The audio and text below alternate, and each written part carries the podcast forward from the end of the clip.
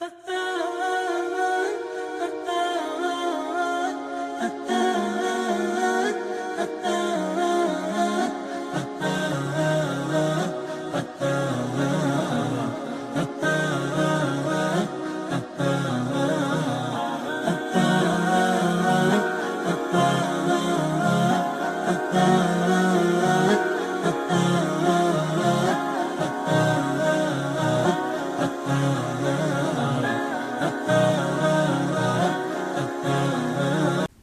الحمد لله رب العالمين والصلاه والسلام على اشرف الانبياء والمرسلين نبينا محمد وعلى اله وصحبه ومن تبعهم باحسان الى يوم الدين ثم اما بعد رب اشرح لي صدري ويسر لي امري واحلل عقده من لساني يفقه قولي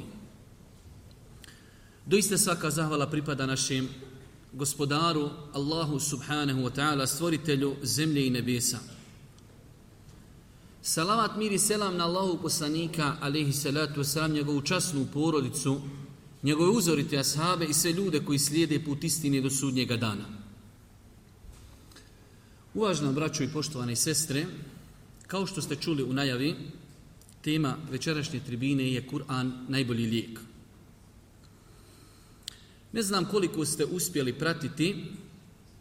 U proteklom periodu ja sam održao nekoliko tribina u kojima sam govorio o potrebi čovječanstva za islamom. Pa ne želeći, pošto je snimak te tribine izišao u javnost, nismo željeli da se ponavlja ista tema ovdje, odlučili smo da ova tema bude nastavak na tribinu potreba čovječanstva za islamom. Na samom početku ja već duži period imam običaj kada god započinjemo tribinu da se podsjetimo one velike činjenice koja je svima nama potrebna, a to je razlog zašto je uzvišeni Allah stvorio čovjeka na zemlji. Kaže uzvišeni Allah subhanahu wa ta'ala Allazi khalaqa al-mauta wal hayata liyabluwakum ayyukum Allah je taj koji je stvorio smrt i stvorio je život. Vi živite između toga dvoga da bi vas iskušao ko će se bolje ponašati. Kaže uzvišeni Allah وَمَا خَلَقْتُ الْجِنَّ وَالْإِنْسَ إِلَّا لِعْبُدُونَ Ljude i džine nisam stvorio osim s jednim ciljem, a to je da obožavaju uzvišenog Allaha subhanahu wa ta'ala. Pa smo mi, braćo moja draga, stvoreni s ciljem i naš život je ispit. Allah poslanik alaih salatu wasalam kaže u redostornom hadisu Neće se pomjeriti čovjekova stopala na sudnjem danu dok ne odgovori na četiri pitanja.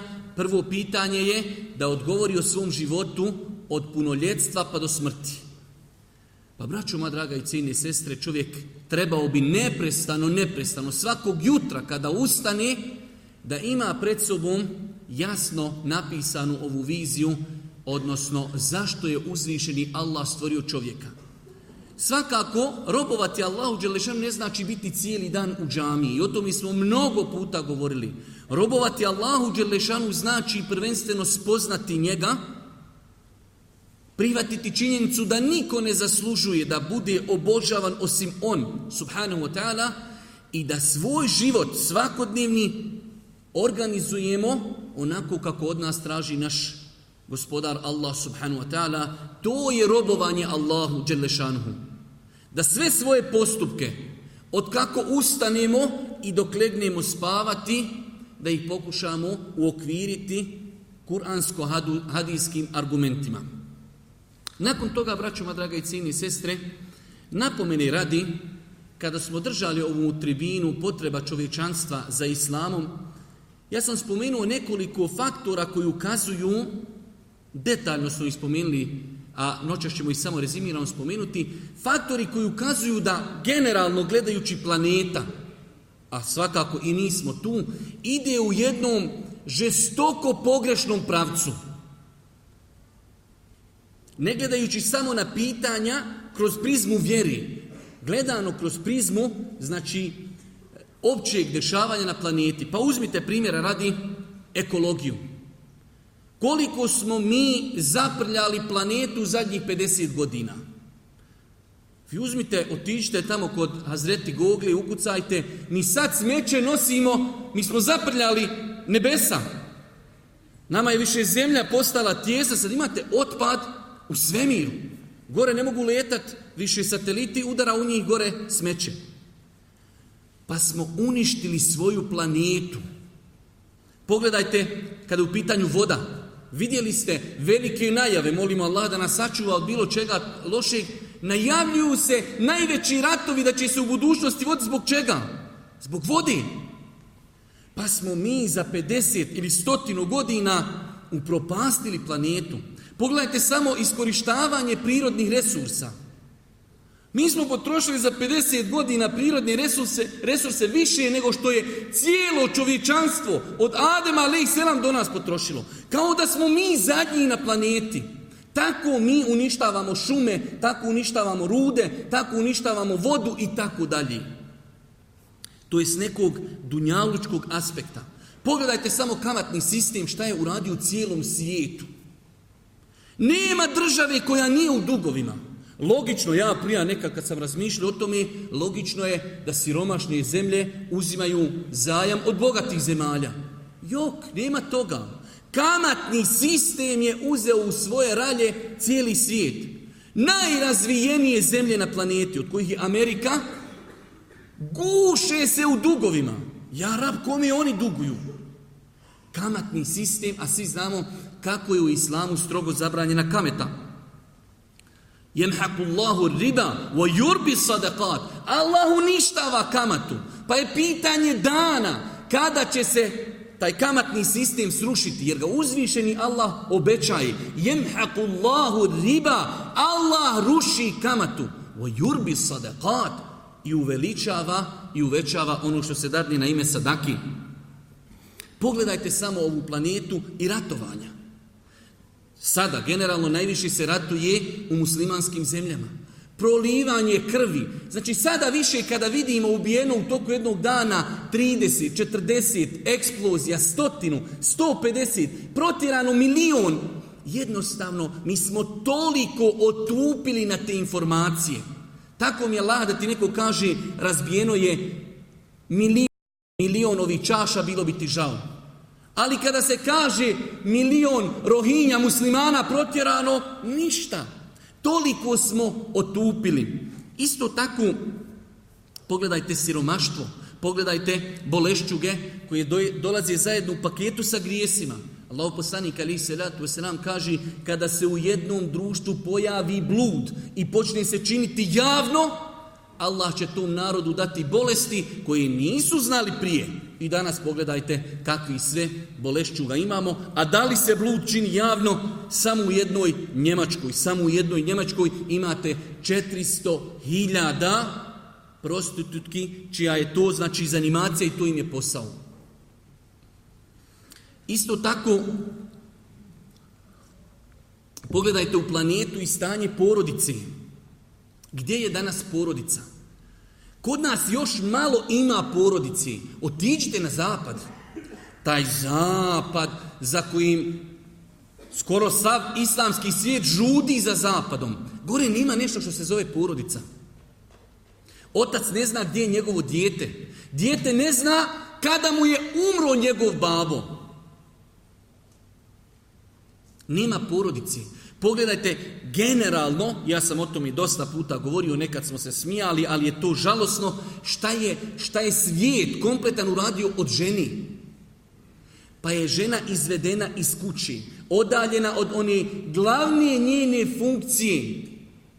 Žena treba da bude u kući da odgaja generacije.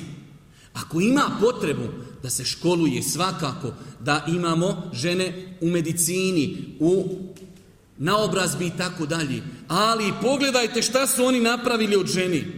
Ja sam govorio dole u Tuzli pa, pa smo se malo smijali, evo sad u Sarajuće ne možeš naći čovjeka, neđe u supermarketu, vidiš muškarca, mrkneš sela malik, mi izumiremo čoveče kod dinosaurusi, nema nas niđe. Sve žene radi. Dođeš sad, ja bio u pola sedam sam bio dole u jednom supermarketu, Žena radi jedna cijeli dan i ona na nogama. Ja inače onako sam malo opušten, gdje god da dođem, ne možeš ti čovječe nikoga nasmijat, nema teorije. Cijeli dan njoj cijene skaču pred očima, bježi mi s očiju sam da mi je da iziđem da dođem kući. I onda kad dođe čovjek u kući, kaže, ženo, voliš li me? Volim te sam da te ne vidim, sam mi se skloni s očiju. A te budem gledala, neću te voliti, ali ako te ne vidim, volim te. I tako je, tako mi Allaha svevišnjih. Izveli su ženu, žene ganjaju loptu, ja rabena. Haj kad muškarci igraju lopti, 22 čovjeka ganjaju jednu loptu, pa eto, haj nekako tolerisa. Žene igraju lopti. Žene bokseri. Treba dževa da pitat poturka ima, ima li ka jedan žene da se udaraju. La ilaha, žene se boksaju, žene se varioci, piloti, mašinovođe, ja Allahu svevišnji. Šta je urađeno od tog, od tog takvog plemenitog, od plemenitog takvog bića? Ali zato ćete vidjeti, izvedena je žena, žena ima svoju platu, hajde joj nešto naredi, paša, ona ima platu. Ženo što nije ruča gotov. Ma ne smiješ pitat, postiš post Davuda ali iz sela, ne smiješ ništa pitat čovječe. Ima svoju platu, ne bendate ništa. Odeš u SCC dole, većina, 90% radnji, šminka. Ne možeš ništa kupiš što je potrebno za život. Nema brašna, nije samo ušnjaci, samo karmin, samo šminka, samo majice. I 99% osoba koji dolazi u kupovinu su žene. Pa su se, planeta je, tako mi Allaha, Hoće da živi suprotno onome kako je Allah ostavio zakone na zemlji. Ja sam o tome govorio dosta puta, pa ne bi da to ponavljam. Braćo, moja draga i cijeni sestre, mora da znamo i to jeste naslov večerašnjeg predavanja, Kur'an. Kur'an je lijek za sve ovo što smo spomenuli. Kaže uzvišenje Allah subhanu wa ta'ala إن هذا القرآن يهدي للتي هي Doista ovaj Kur'an ukazuje na najbolji mogući put koji postoji. Pa pogledajmo kako Kur'an tretira kamatu. Pogledajmo kako Kur'an tretira mnoga druga pitanja. Tu je izlaz. Doista Kur'an ukazuje na najbolji mogući put. Kaže uzvišeni Allah subhanahu wa ta'ala وَمَنْ أَعْرَضَ عَنْ ذِكْرِ فَإِنَّ لَهُ danka Ko okrene glavu od knjige moje, ne želi da živi po Kur'anu, živjet će teškim životom. Wallahi vam kažem, tako mi Allaha, oni zapadnjaci u koje mi gledamo tako očima prestiža, Nemoguće da budu sretni. Ko okrini glavu od Allahove knjige, teškim životom će živjeti. S druge strane, kaže uzvišeni Allah, men amila salihan, min zekerin, au untha, wa huwa mu'minun, fele jennehu, hajaten, tajiba, ko bude radio dobra djela. Wa huwa mu'minun, ali u svemu tome je vjernik, bio muškarac ili žena, mi ćemo im dati da prožive lagodan život. Pa čovjek koji hoće sreću, hoće zadovoljstvo, onda je to put Kur'ana. Oni koji rade dobra djela, u svemu tome su mu'mini, vjeruju u Allaha, vjeruju u sudnji dan. Bez obzira bio muškarac ili žena, mi ćemo im dati, kaže uzvišeni Allah, mi ćemo im dati da prožive lijep život. Nažalost, velik broj ljudi nije svjestan činjenici kada je u pitanju Kur'an. Šta je Kur'an? Kakva je to knjiga?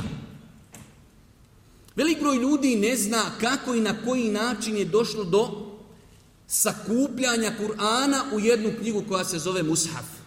Allahu poslanik ali se ran 23 godine mu je dolazila objava pa je imao pisare koji su zapisivali Kur'an, ali Kur'an nije bio objedinjen u mushaf jednu knjigu. Pa nakon smrti Božijeg poslanika, za vrijeme Božijeg poslanika i Božiji poslanik i mnogo ashaba naučili su Kur'an na pamet. Pa u jednoj od bitaka poginulo je dosta hafiza. Pa su došli sa inicijativom, ne daj Bože, da se ne bi šta od Kur'ana izgubilo, dok još ima dosta hafiza koji su živi da se Kur'an objedini u jednu knjigu. Pa je Kur'an objedinjen u jednu knjigu. I to je najveća odlika Kur'ana, da je autentičan. Smiješ se zaklijesti. Za svaki harf u Kur'anu, za svaki veznik, da je to govor uzvišenog Allaha subhanu wa ta'ala. Lako je to provjeriti. Odete u Australiju, odite u Ameriku, odete gore kod Eskima, odete kod Kineza, gdje god kome kažeš, de nam prouči kulhu valla, svi ga isto prouči. De nam prouči najdužu suru Kur'anu, Bekaru, 49 stranica, svi je isto uči. Pa braćo moja draga, zbog toga mi govorimo o Kur'anu, da je u njemu najbolja uputa. Zašto? jer je autentičan i još od uzvišenog Allaha subhanahu wa ta'ala gospodara zemlje i nebesa. Pa velik broj ljudi nije svjestan te činjenici kolika je vrijednost, ne želeći nikoga zaista da vrijeđamo ili omalovažavamo. Ali nebeske knjige koje sada postoje mimo Kur'ana, koliko samo imate primjeraka Biblije različitih. Kada je Biblija zapisana nakon smrti Isa alihi salatu wasalam. Dok Kur'an zapisan je odma i sakupljen nakon smrti Božeg poslanika alihi salatu wasalam. Pa je njegova najveća vrijednost autentičnost. Inna nahnu nezelne zikra wa inna lehu doista mi objavljujemo Kur'an i mi ćemo nad njime bdjeti Allah Đelešanu stvrti zemlje i nebesa je garantovao da će on sačuvati Kur'an do sudnjega dana da neće biti pretrpjeti nikakvu izmjenu. Isto tako, kako Kur'an nudi rješenje za sve naše probleme? Na način što velik broj ljudi mi imamo pogrešno ubjeđenje. Prvo mi veoma se malo družimo sa Kur'anom. S druge strane, velik broj ljudi misli da je islam ono tvoje vrijeme kada si u džamiji. Što je neispravno. Apsolutno neispravno. Takvu percepciju želi da nam nametnu danas. Islam je u džamiji. Kad iziđeš iz džamije, ostavi se islama. To, to ne bi bila savršena i potpuna vjera. Islam ulazi u sve pore našeg života. Ne postoji danas, ne postoji danas pitanje u ekonomiji ili bilo gdje, a da islam na njega, nema za njega rješenje. Pa islam definiše čovjekov odnos u porodici.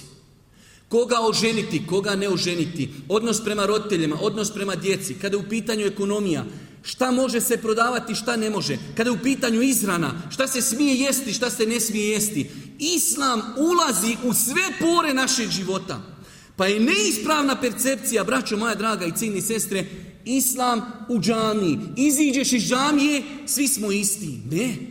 Baš tada dolazi do izražaja da si musliman, ali u firmi, da si musliman, da si vozač, da si musliman na putovanju i tako dalje. Musliman u odnosu prema komšiji, musliman odnos prema nevjernicima i tako dalje. Islam nam precizira svako pitanje. Za vrijeme Božih poslanika, ali se letu sram, dolazi ashabima mušnici, pa kažu, vaš taj sahibukum, vaš prijatelj, ne žele da reknu poslanik, on vas, kaže, podučava svemu, pa čak i kako u WC-u da boravite. Pa im kažu ashabi, da, tako nam Allaha. Allahu poslanik nas je podučio svakom hajru, do te mjere da nas je podučio kako da boravimo u nužniku. Imate desetine hadisa koje je Allah poslanik izrekao kako čovjek da se oponaša samo kada oba obavlja fiziološku potrebu. Pa je Islam definisao jasno sva pitanja koja su nama potrebna. Isto tako moramo naučiti jedno veliko pravilo. Nažalost, velik broj ljudi e, ne želi da prihvati to pravilo. Rekli smo da je Kur'an od uzvišenog Allaha. Sunet Božijeg poslanika, ali se letu selam onda kada je sa vjerodostojnim lancem prenosilaca zabilježen, on je također objava. Kaže uzvišeni Allah subhanahu wa ta'ala ma يَنْتِقُ عَلِنْ هَوَا إِنْ huwa illa وَحْيٌ Ono što Muhammed govori, on ne govori po hiru svome, to je objava koja mu se objavljuje. Pa kada nađemo u Kur'anu ili sunnetu Božijeg poslanika da je nešto naređeno, Znajte, braćo moja draga, da je ta naredba od gospodara zemlje i nebesa. Pa je nemoguće da nam nešto gospodar naredi, a u tome nije prosperitet nama i našoj porodici. Isto tako, kada nam vjera nešto zabrani, bez obzira da li mi to razumjeli ili ne, da li to nauka potvrdila ili ne, u tome je šteta za nas, za porodicu, za grad, za državu i za cijelo čovečanstvo. Svakako, Ljudi kada čine određene grijehe ne mora značiti za dan ili dva da će vidjeti plodove toga. Ali će sigurno doći vrijeme kada će vidjeti negativne plodove onoga što su kršili zabrane kojim je uzvišeni Allah subhanahu postavio. Isto tako, dosta puta smo o tome govorili, od odlika Kur'ana, ne mogu da vjerujem ne mogu da vjerujem da neko prelazi preko te tačke i tako ne želeći da se osvrni. Uzvišeni Allah prije 1400 godina izazvao je cijelo čovječanstvo i ljude i džine da se ujedine i da smisle oni zajedno samo jednu suru kao što je kuranska sura. Nije rečeno smislite bekaru, ne, bilo koja sura, vela asr, ina atajna, kul huvallah, pa je ostao izazov otvoren do dana današnjeg.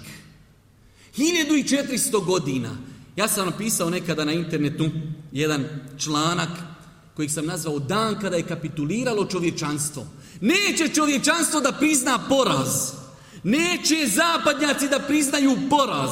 Uzvišeni Allah vas izaziva i vas, i džine, i ljude, i muslimane, i nemuslimane, dođite vi sa jednom surom kao što je kuranska sura. Volen tef'alu, nećete to sigurno moći. Pa šta vam to ukazuje? Zar to ne ukazuje koliko je velik taj govor? Njegova nadnaravnost, a s druge strane koliko smo mi slabi. Ali neće ljudi da pogledaju istini u oči da se pomiri sa činjenicom, to je govor uzvišenog Allaha. To treba da nam bude uputa o čemu ćemo poslije govoriti.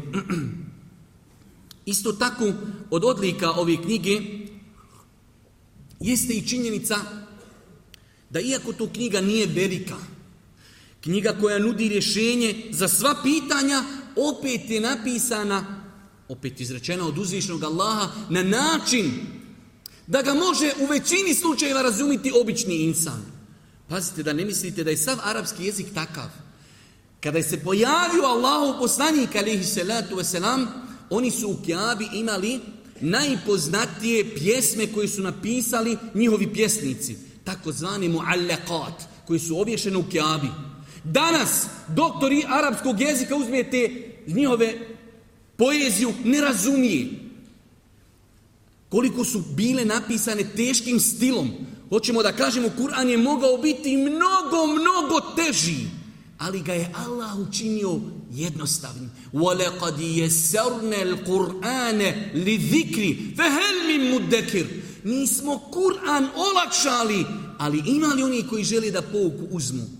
Pa uzmiš Kur'an i čitaš. Je li teško razumjeti, o vjernici nemojte poslovati kamatom, je li to teško? O vjernici obavljajte namaz, o vjernici zabranjuje vam se alkohol, o vjernici ne približavajte se bludu, o vjernici, toliko lako, toliko jednostavno.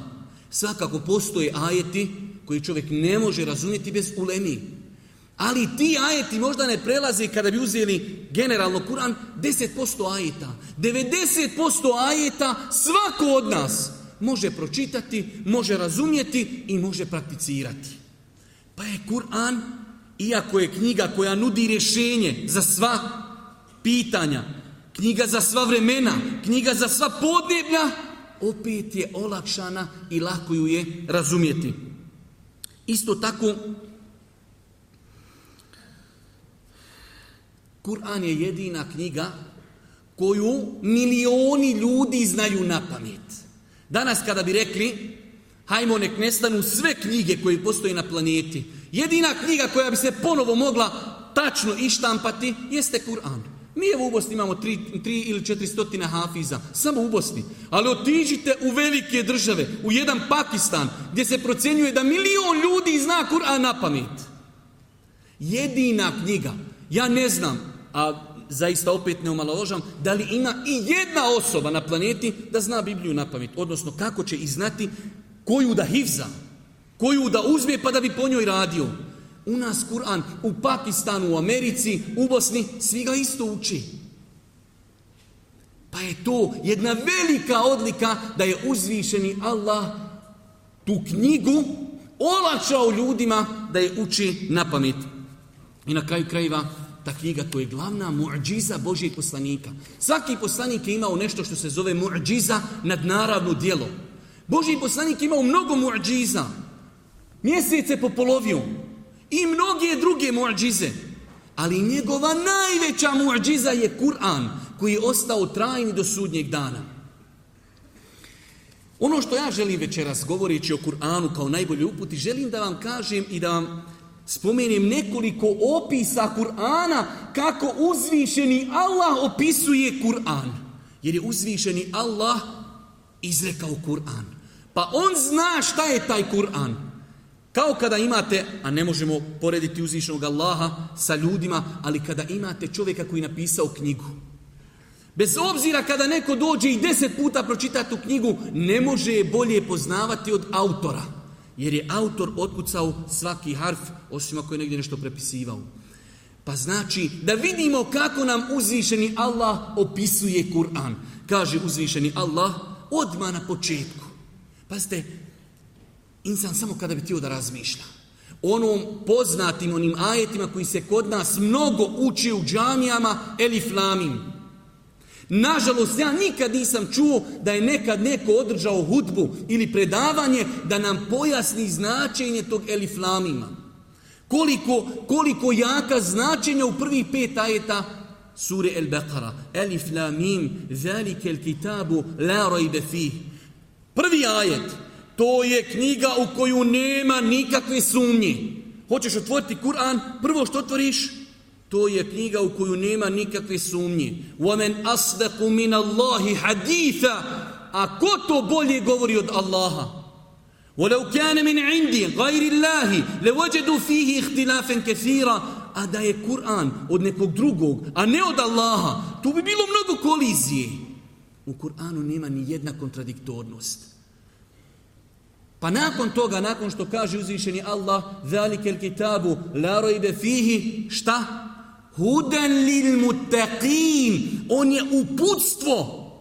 On je uputstvo bogobojaznima. Braćo moja draga, praktično, praktično. Kur'an bi trebao da bude na svakom stolu naši, u našoj kući. Negdje, zamislite da imate neku mašinu koju još niste naučili sa njom rukovat. I uzmijete fino uputstvo i kući i na tavan zamotate u peškir i odiš. Nešto se pokvari, haj ženo, penji se na tavan, Odmotaj peškir, donesi upustvo pusto se ostavi tu negdje, pored kompjutera, pored tebe i da možeš uvijek nešto čitati. Tako bi Kur'an trebao da bude u praktičnom smislu. Da je tu negdje. Da non stop čitamo, da razmišljamo i da živimo po tome. Evo ja ću vam biti otvoren.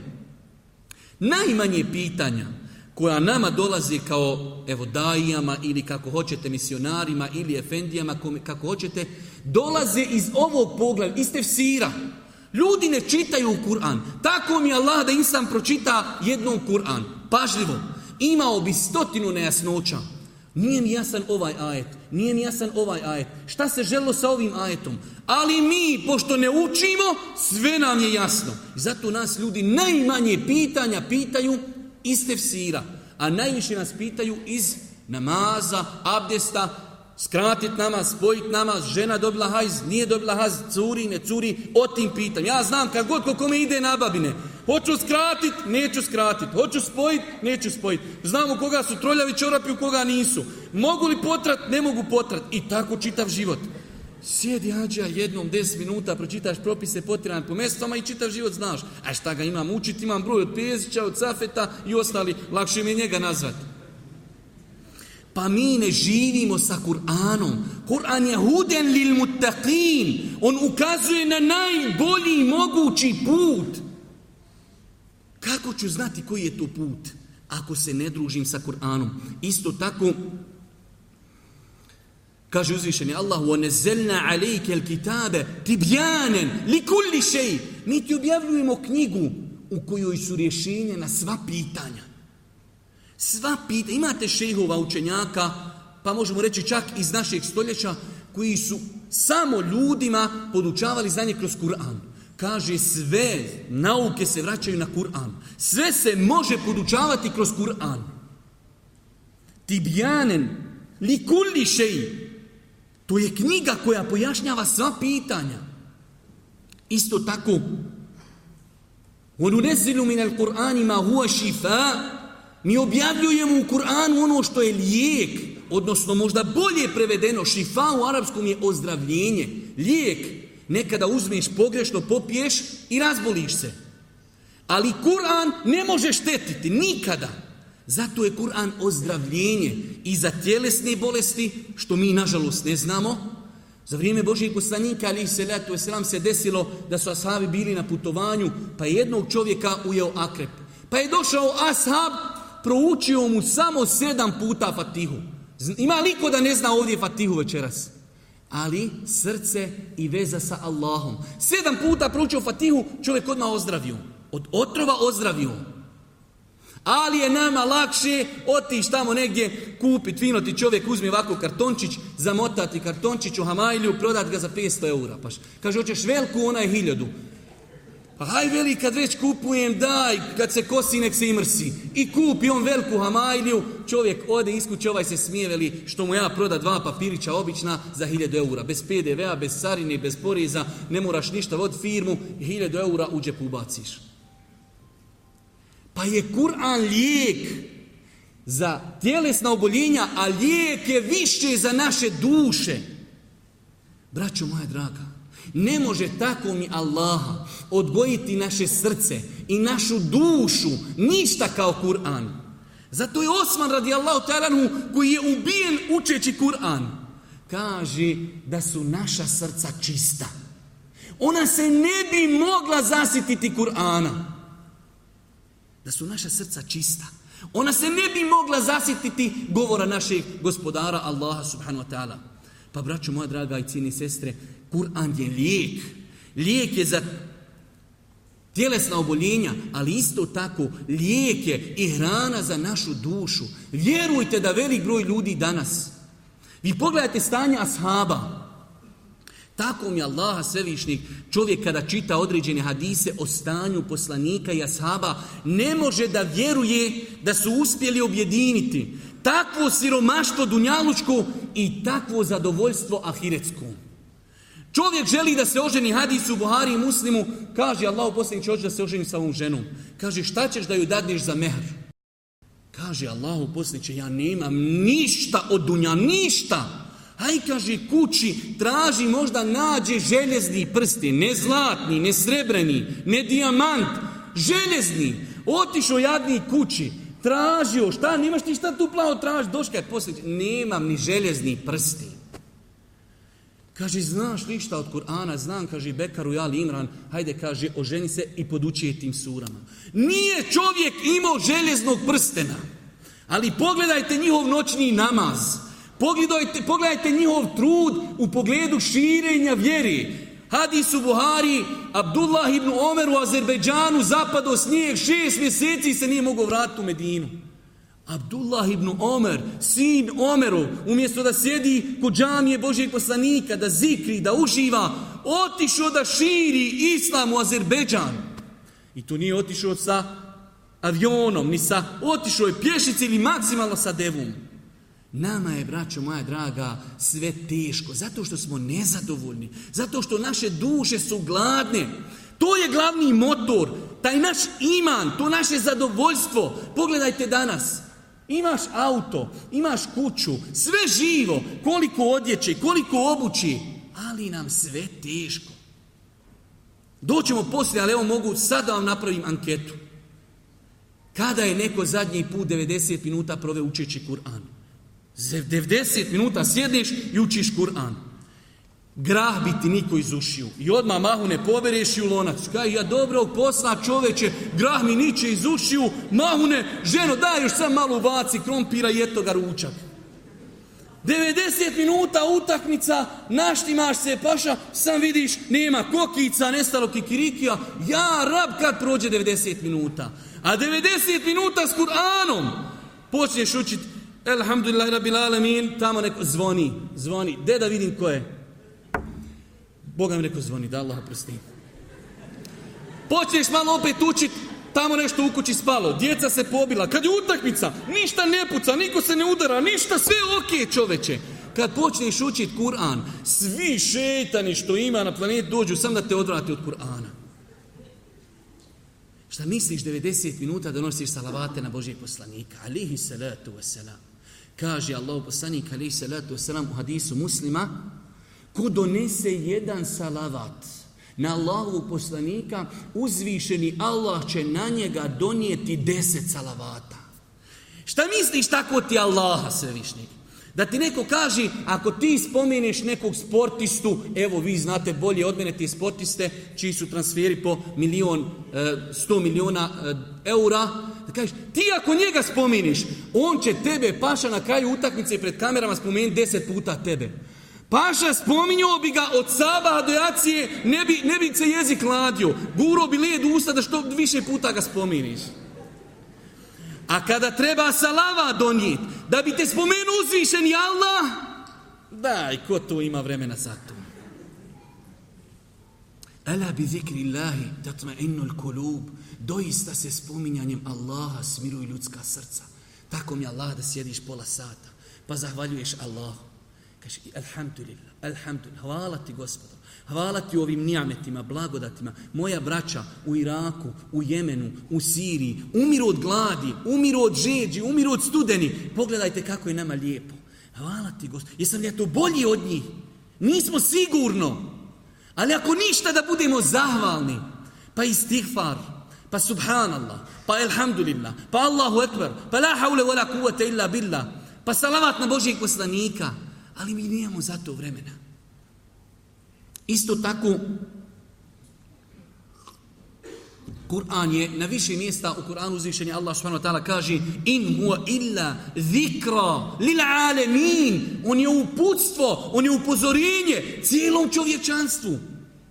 Nemojte da, da nasjednemo na priču ili na percepciju Islam je za Arape i tako dalje. Islam je za cijelu planetu. Islam je za cijeli svijet. Nakon toga, braću moja draga, nakon ovih nekoliko opisa, kako uzvišeni Allah opisuje Kur'an, a kamo sreći, u arapskom svijetu je to sada naučni trend, pozitivan, da ljudi uzmu određene ajete iz Kur'ana na jednu temu. Pa pišu seminarski radove. Kada ste to vidjeli kod nas? Što mislite da neko napiše seminarski rad?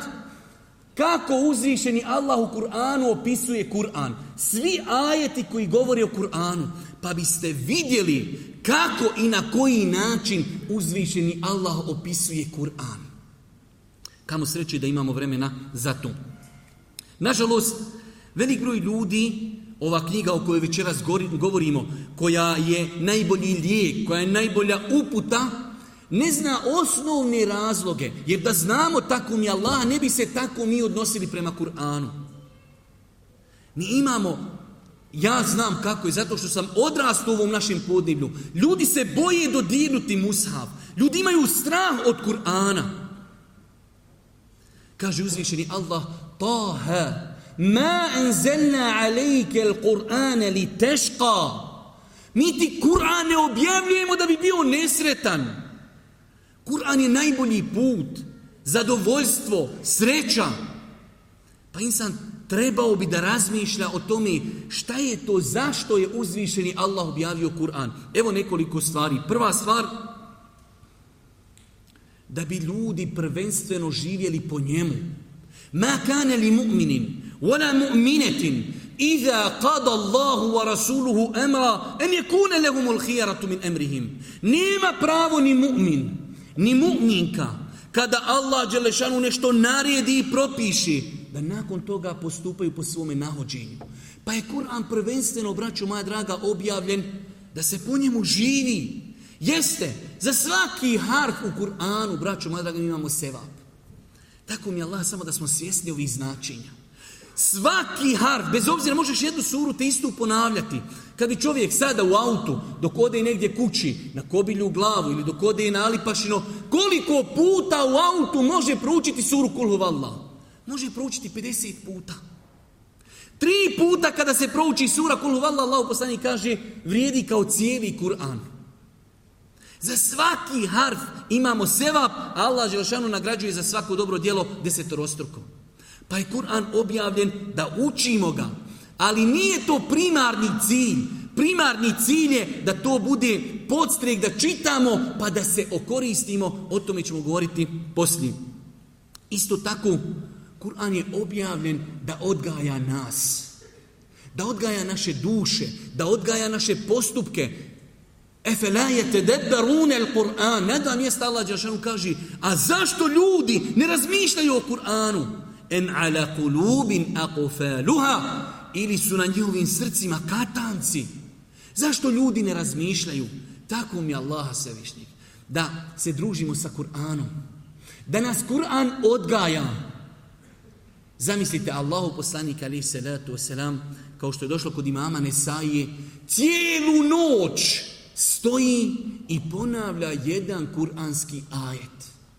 Zamislite, braćo moja draga, da mi provedemo pola sata ili sahat vremena ponavljajući jedan kuranski ajet, uzmite ajet, doista Allah sve vidi, doista Allah sve zna, doista Allah sve čuje i da ponoviš taj ajet s razmišljanjem deset puta, dvadeset puta. Da li bi sutra tako ti Allaha mogao otići u kladionicu? Da li bi mogao učiniti nešto što je zabranjeno, a cijelu noć si učio doista Allah sve vidi, doista Allah sve zna, doista Allah sve čuje i tako dalje. Pa ponavljanje kuranskih ajeta, razmišljanje o njihovim značenjima. Allahu poslanik ali salatu wasalam.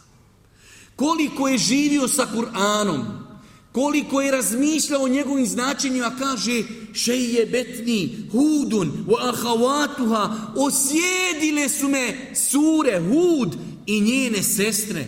Sure koje su pored nje u Kur'anu. Osjedile su me. Toliko imaju teška značenja. Tako mi je Allah svevišnik. Da insan razmišlja o određenim ajetima. Promijenio bi se njegov život Probijenili bi se njegovi postupci. Samo da čovjek čita, da čita u sudnjem danu, a govorit ćemo o tome možda malo poslije. Ako vidite Boži poslanika, ali se tu selam, on je najbolji uzor. Lekad kane lekum fi rasulillahi usvetun hasene. Vi u poslaniku imate divan uzor. Boži poslanik, oprošteni mu grijesi. Oprošteni mu grijesi. Obećano mu najveće i najbolje mjesto u džennetu. Toliko je klanjao dobrovoljni namaz da su mu noge oticale. Dobrovoljni namaz učio, ponavljao, odgajao svoje srce. Ako pogledate njegove Sabe načite, ćete te čudo kako su živjeli sa Kur'anom. Ja sam više puta govorio, večera ćemo samo malo praktično o tome kada se družite sa Kur'anom i kada učite Kur'an, posebnu pažnju posvetite na tri vrste ajeta. Ajeti koji govori o sudnjem danu. Tako mi Allaha svevišnik. Jeste nikada razmišljali zašto uzvišeni Allah opisuje sudnji dan nama još na Dunjaluku? Da bi se zastrašili i da bi se što bolje pripremili za sudnji dan. Pa kada vidite opise sudnjeg dana, pa zato insan da čita u sudnjim danu. Da čita ajete posebno koji govori o veličini uzvišenog Allaha subhanu wa ta'ala. I da čita ajete koji govori o vrstama ljudi. Kur'an dijeli ljude na tri kategorije. Muslimani, mu'mini, licemjeri i nevjernici. Ja ću evo samo nekoliko svojstava mu'mina iz te knjige o kojoj večeras govorimo, da vidimo mi kako Kur'an opisuje mu'mine odnosno da vidimo ima li nas gdje u tim opisima. Zašto je uzvišen je Allah u Kur'anu opisao mu'mine? Da se mi možemo preispitati. Ima li nas gdje u tim opisima? Pa primjera radi Odma u onim su, ajetima u e, Elif Lamimu Ellezine yu'minune bil gajb. Prvi opis mu'mina jeste oni vjeruju u gajb. Šta je gajb? Gajb je sve nešto što mi ne vidimo svojim očima. Gajb je džennet, gajb je džehennem, gajb je vjerovanje u Allaha, vjerovanje u meleke i tako dalje. Kada imate insana da čvrsto vjeruje u gajb, vjeruje u sudnji dan, vjeruje u džennet, vjeruje u džehennem, vjeruje da je žestina džehennema jača od dunjalučke vatre 70 puta. Hoće li to traga ostaviti na njega? Pa je glavni opis mu'mina ne bil gajb. Vjerniku pravom, mu'minu, koji vjeruje u Allaha, vjeruje da ga Allah neprestano vidi, vjeruje da meleki zapisuju njegova dobra i loša djela, takvom čovjeku ne treba kamera. Takav čovjek ne stavlja šifre. Naš ljudi, znači šifra je taka, najveći haker na planeti, ne može mu hakovat mobitel. Zašto? Zato što je sve unutra halal. Pa što ako je halal, nema vezi, ne treba i ti šifre kamere, šifre, to ne treba mu'minu. Mu'min ima veću kameru. On ima svijest da treba stati na sudnjem danu i odgovarati za sve što smo radili na sudnjem danu. فَمَنْ يَعْمَلْ مِثْقَالَ ذَرَّةٍ خَيْرًا jera Ko uradi trunkicu dobra, vidjet će ga. Ali ko uradi trunkicu zla, vidjet će ga. Jaume jeđalu lvildane šiba, tog dana će djeca osjediti na sudnjem danu. On se boji tog dana. On se boji da mrava zgazi. Allahu poslanik ali se se nam kaže, govoreći o potpunoj pravdi sudnjeg dana, rogata ovca će odgovarati na sudnjem danu što je udarala onu ovcu koji nije imala rogove. Na selu se ta ovca zove šulava ovca. Odgovara će rogata ovca što je udarila ovcu koja nema rogova, nema se čime braniti. Šta mislite onda kako će ljudi polagati račune na sudnjem danu? Pa kada insan vjeruje u gajb, vjeruje u sira čupriju, vjeruje u džehennem, vjeruje u džennet, to su za njega kamere. Njemu ne treba kamera da kad je ušao na posao, kad je izišao, je li ukrao, je li pronevjerio, njemu to ne treba. Mu'minu koji vjeruju u sudnji dan to ne treba. Isto tako, na mnogo mjesta u Kur'anu, jedan od glavnih opisa mu'mina jeste وَيُقِيمُونَ الصَّلَا Obavljaju namaz. Braćo moja draga, vallahi, meni je e, teško što neka čovjek mora govoriti o tim negativnim svojstvima našeg naroda. Ali, braćo moja draga, kaže Allah poslanik alihi salatu wasalam, otpada će karike Islama jedna po jedna. Sve dok se ne dođe do zadnje karike, kaže zadnja karika Islama je namaz. Koliko danas imate ljudi muslimana koji ne klanjaju redovno? Nije ispravno, ali možemo razumjeti čovjeka u firmi, ne klanja, ne da mu gazda. Nije ispravno, ali ga možemo razumjeti, ima razlog. Ali ne možemo razumjeti čovjeka koji gleda utakmicu i film i seriju, ošao se Bosna Čevljanoviće sa koridom, ostavlja zbog toga namaz. Kaže Allah poslanik alih salatu wasalam, prvo dijelo za koje će čovjek biti pitan je namaz. Ako mu namaz valjadni, valjat će ostala djela. Ako mu namaz ne bude dobar, neće se gledati ostala djela. Pa kada insan čita tamo u Kur'anu, sala obavljaju namaz. Ima li mene gdje tu gospodaru? Ima li mene gdje u tom opisu? Daj da makar obavljam farze. Pa jedno od glavnih svojstava u Kur'anu, ako ne možda i najbrojnije svojstvo kad su u pitanju mu'mini, da obavljaju namaz. وَالَّذِينَ هُمْ فِي دَائِمُونَ يُحَافِظُونَ Allah Đeršanu opisuje, to su oni koji čuvaju namaz, neprestanu namazu, skrušeno ga klanjaju. Mnogo opisa koji govori o mu'minu i njegovom odnosu o namazu. Pa Allah vam dao svako dobro, ovo je poziv meni, a zatim svima nama. Ne smijemo se poigravati sa najvećim temeljima Islama. Namaz je najveći temelj Islama. Tako mi je Allah svevišnjeg. Razlika su dole neka plemena u Africi, tu su oni dole koji ganjaju leoparde, koji nisu čuli ništa o islamu. Pa se možda oni u nešto nadaju. Ali insan koji je znao Čemu se nada na sudnjem danu ako nema bešvakat namaza? Čemu se nada? Od opisa mu'mina وَلَّذِينَ هُمْ عَنِ اللَّغُوِ مُعْرِدُونَ U suri el muminun Uzmite suru Mu'minun i početak njen. Opis mu'mina. Oni su daleko od besposlica. La ilaha illallah, kako nam to danas treba. Danas kada živimo ovim brzim životom, turbo životom, kada čovjek nema vremena, vallahi, za majku svoju, kada nema za rodbinu, kad smo zadnji put obišli nekog od rodbine? Nemamo vremena, nemamo vremena. Ok, nemamo vremena, tačno. Koliko vremena u besposlice dadnemo? Braću moja draga, insan vjernik sve gleda kroz prizmu vjeri. Dajte mi jednu korist, samo jednu. Ja ću ovdje dubit na glavi sat vremena od gledanja utakmice. A koliko smo stotina utakmica pregledali, Znam, rećete, se se ovaj pezi utakmica, dragi Allahu Svevišnji. Ali, braćo moja draga, mi nemamo vremena da naučimo najosnovnija pitanja vjeri. Tako mi Allaha, kamo sreće da to nije tako.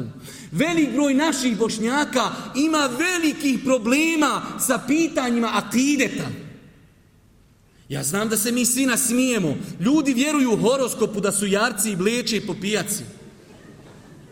Ljudi vjeruju, stavljaju pare u turbe. Mrtav čovjek zakopan, pojeli ga crvi. Ljudi se boje okrenuti leđa turbetu.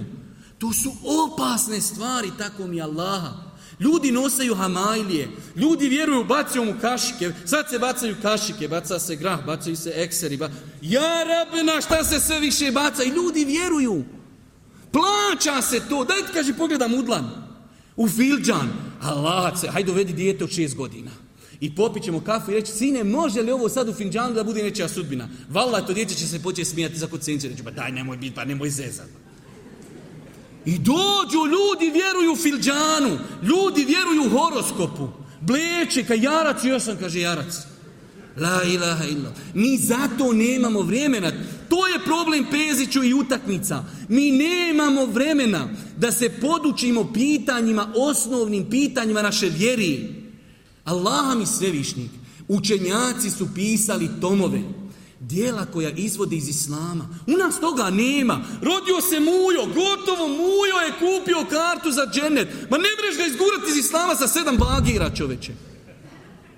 Ma to je po našoj percepciji. U islamu ima crvene kartone, paša ko na utakmici. Gospodine, izlazi. Ma halo, izgubit ćemo klasik, igra real. Izlazi čoveče.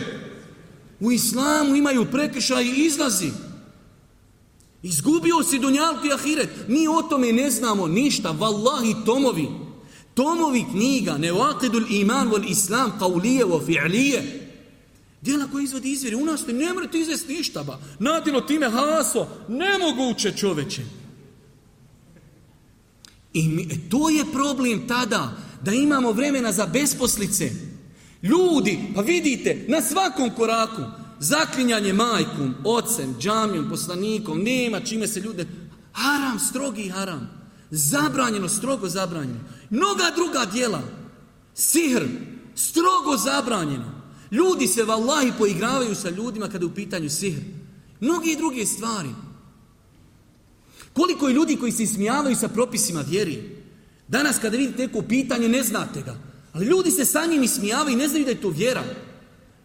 Može neko ne nositi nikav, a neko nositi.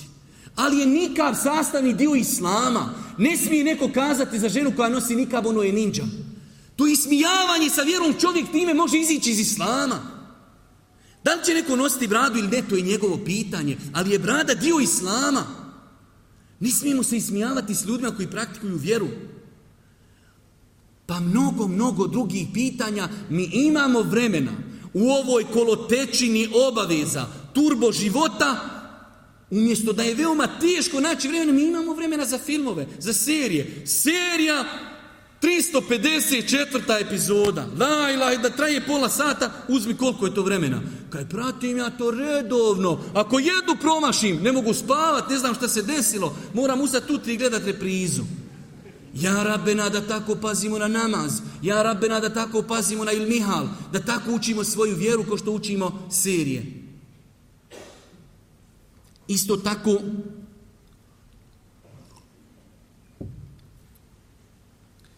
Allah još na više mjesta u Kur'anu kada opisuje mu'mine, oni kaže čuvaju svoje avrete, i dijelove tijela.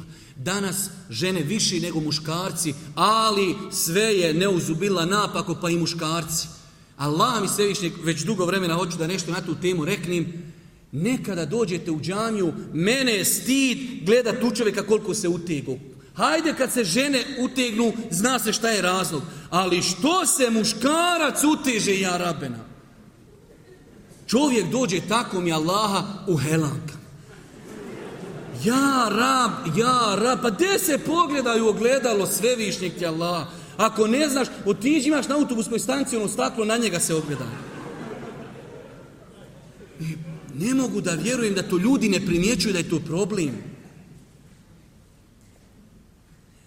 Pa su mu'mini i mu'minke oni koji pazi na svoje avrete. Da ne govorimo ovdje o temi šta je avret kod muškarca, šta je avret kod ženi. Isto tako, od opisa mu'mina jeste وَلَّذِينَ هُمْ مِنْ عَذَابِ رَبِّهِ مُشْفِقُونَ Oni strahuju od sudnjeg dana. Allah na više mjesta kada opisuje mu'mine govori mi smo očekivali dolazak sudnjeg dana. Mi smo se bojali sudnjeg dana. Mi smo strahovali kako ćemo račune polagati na sudnjem danu.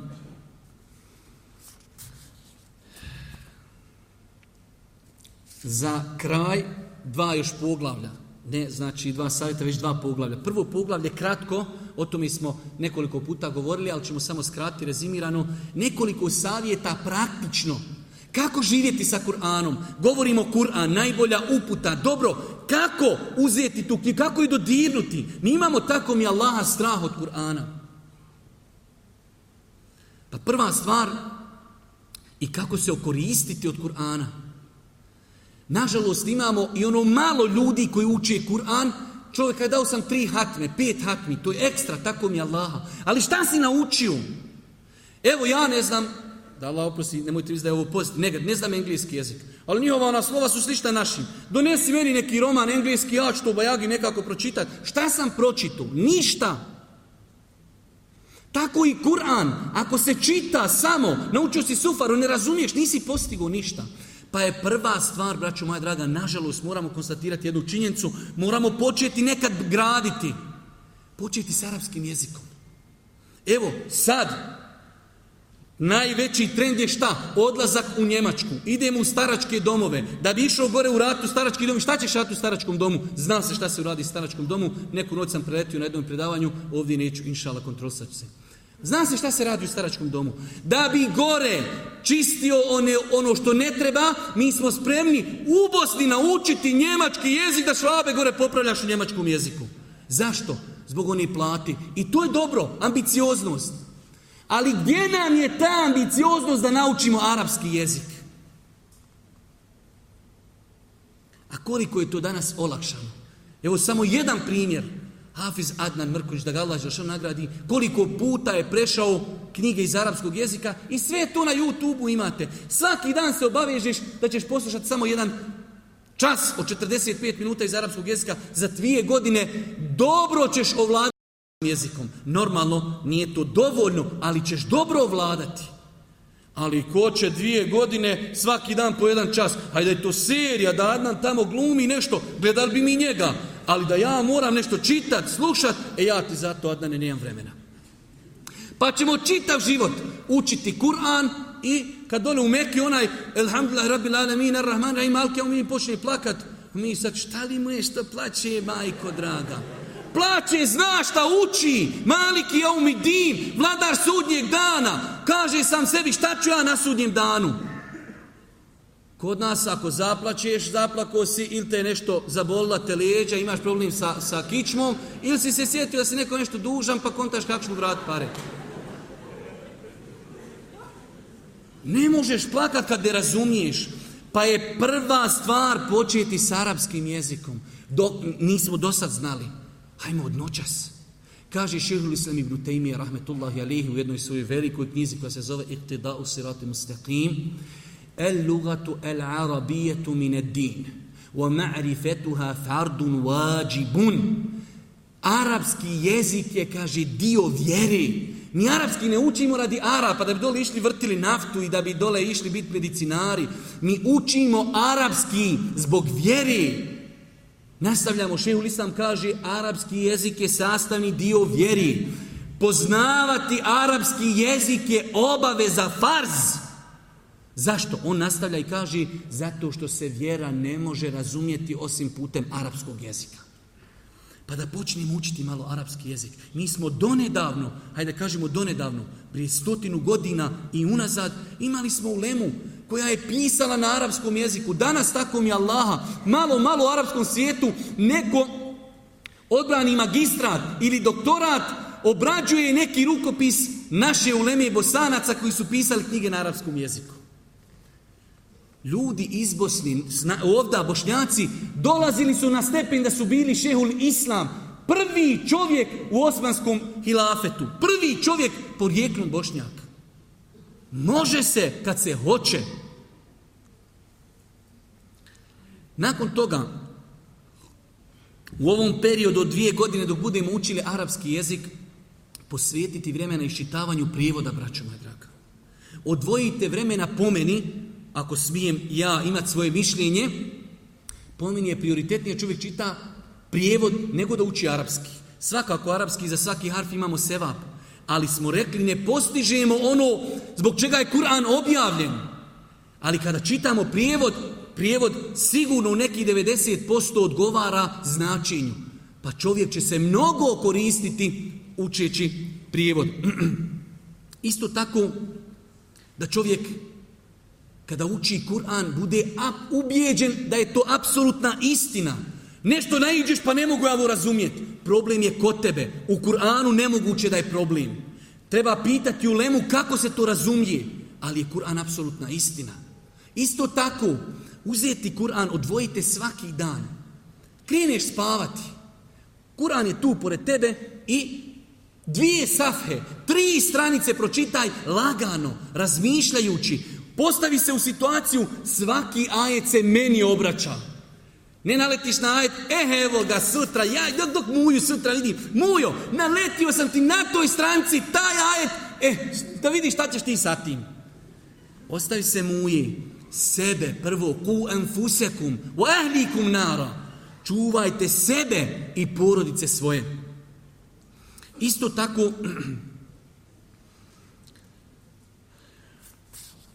ostavljati grijehe. To je zadnji savjet i onda prelazimo samo na zadnje poglavlje. Braćo moja draga, mi muslimani vjerujemo da grijesi kao što imaju svoje vidne dunjalučke tragove. Isto tako imaju i tragove koje mi ne vidimo. Zatvaraju ljudsko srce.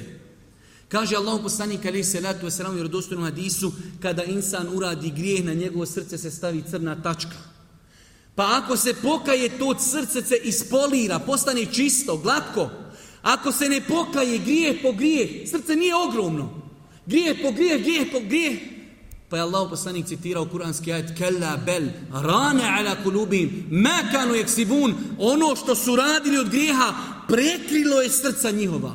U drugom hadisu Allah poslanik Poredi ljudsko srce puno grijeha sa čašom prevrnutom. Kelkuz el muđahije, prevrnuta čaša. Uzmi prevrnutu čašu i na nju toči vodu. Nemoguće da kap uđi. Tako ljudsko srce. Dvojica ljudi vidite u namazu. Klanjaju i slušaju istog imama. Jedan plače, a jedan razgleda kako je vrijeme. Gdje je razlika? razlika u srcu. Jedno srce je otvorilo vrata, prima energiju iz Kur'ana, a u jednog su zakovana vrata. Zakovana čime? Ekserima grijeha. Pa grijesi ne daju da ljudskom srcu dođe Kur'an. Zato insan koji hoće da se njegovo srce i život prosvjetli, Kur'anom, onda treba što više izbjegavati, izbjegavati grijehe svakako ne zaboraviti nikada. A Allah Đelešanu zna našu iskrenost. Da ustanemo u zadnjoj trećini noći, šta mislite? Naviješ noća sat, u četiri sata. Legneš u 11 do 4 sata, ima 5 sata da spavaš. Ustaniš i klanjaš dva rekiata. I na zadnjoj seđdi ta dva rekiata doviš i kažeš gospodaru, učini Kur'an proljećem srca moga. Ođ'ali Allahumme el Kur'ane, rabi'a kalbi. Boži poslani govori, kaže gospodaru, učini Kur'an proljećem srca moga. Jeste li čuli ljepšu dovu u životu? Vidjeli ste kad bude snijeg, kad bude zima, pa dođe proljeće, pa počnu one lale, počnu kačuni, počnu visibave, sve oživljava. Tako Kur'an oživljava srca pa da plaćeš i doviš gospodaru da otvori vrata tvoga srca da se napoji Kur'anom. Za kraj, nećemo inšala više od nekoliko minuta, samo nekoliko velikih kuranskih principa koji garantuju da Kur'an je zaista rješenje za stanje u kojim se nalazimo. Prva stvar, Kur'an jasno, i o tome smo govorili na početku, pojašnjava zašto smo na Dunjaluku. Jasno, Isto tako, Kur'an je, Kur'an i njegove smjernice su prepune naredbe o nauci, o istraživanju. Islam poziva nauci, kako dunjalučkoj, tako i ahiretskoj. Isto tako, Kur'an poziva jednakosti ljudi. U islamu možete biti ubosni. Možete biti u Kini, možete biti u Švedskoj, gdje god hoćete. Možete biti bolji musliman nego neko ko se rodio pored Kjabi. Inne ekramekum, inda Allahi, etkakum, kod Allaha su najbolji, oni koji ga se najviše boji. Pitanje je samo koliko se bojiš Allaha. Ali to je, braćo moja draga, univerzalnost i vrijednost Islama. Da te ljudi ne vrijeduju, jesi li bogat, jesi li ugledan, porodica, prezime, kosi, šta si, jesi li crn ili si bijel. Ne, u islamu to sve pada u vodu. Kaže Allah poslanik alaih salatu wasalam, uzvišeni Allah ne gleda u vašu fizionomiju, u vaše likove, gleda u vaša srca, gleda u vaša djela, pa da se potrudimo, to je tako mi Allaha, tako velika satisfakcija. Da ti ovdje u Bosni možeš biti bolji musliman od nekoga dole ko se rodio pored Kijabi. I ne može on tebi doći kada sluša ja sam bolji. Dobro, daj da vidimo ko je bolji. Pa je to nešto što privlači ljude. Imate religija gdje se moraš roditi u toj religiji. Nisi se rodio, završena stvar. Dok u islamu nije tako. U islamu možeš biti 60 godina da ne vjeruješ. Ali, znači možeš na kraju biti bolji od drugih. Sve je svaće samo sjedi i uživaj.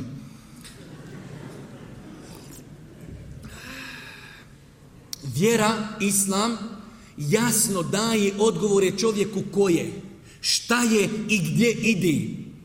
Danas ljudi na planeti, velika većina ljudi ne zna odgovore na ova pitanja. Ko je insan? Insan počinje da ruči, Počne neuzubila da se miješa u Božji. Misli neuzubila ko faraon kada je rekao ene kumul e'ala. Danas imate faraona. Islam te uči kosi.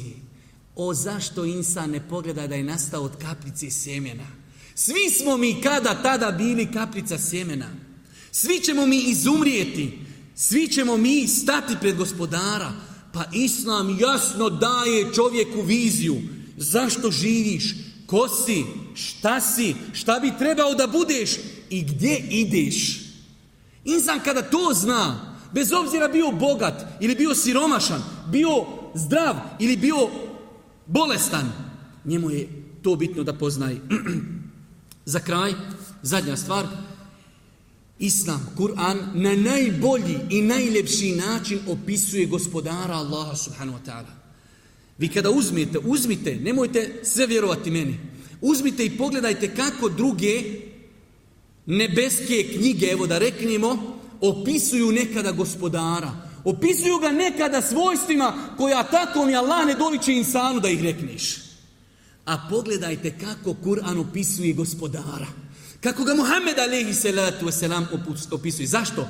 Jer je to autentično. Uzvišen je Allah milostivi, samilosni, Čuje sve, vidi sve, prima pokajanje, mudri, sveznajući. Sve su to وَلِلَّهِ الْأَسْمَاءُ husna, فَدْعُهُ biha. Allah ima savršena imena i svojstva, pa ga zovite tim imenima i svojstvima. Molim uzvišnog Allah subhanahu wa ta'ala da nas učesti na putu istine. Molim ga subhanahu wa ta'ala da nam bude milostiv na sudnjem danu. Molim ga da učini Kur'an proječem naših srca i na kraju subhaneke Allahumma bihamdike šedu in la ilaha ilan stagfiruke wa etubu ilik.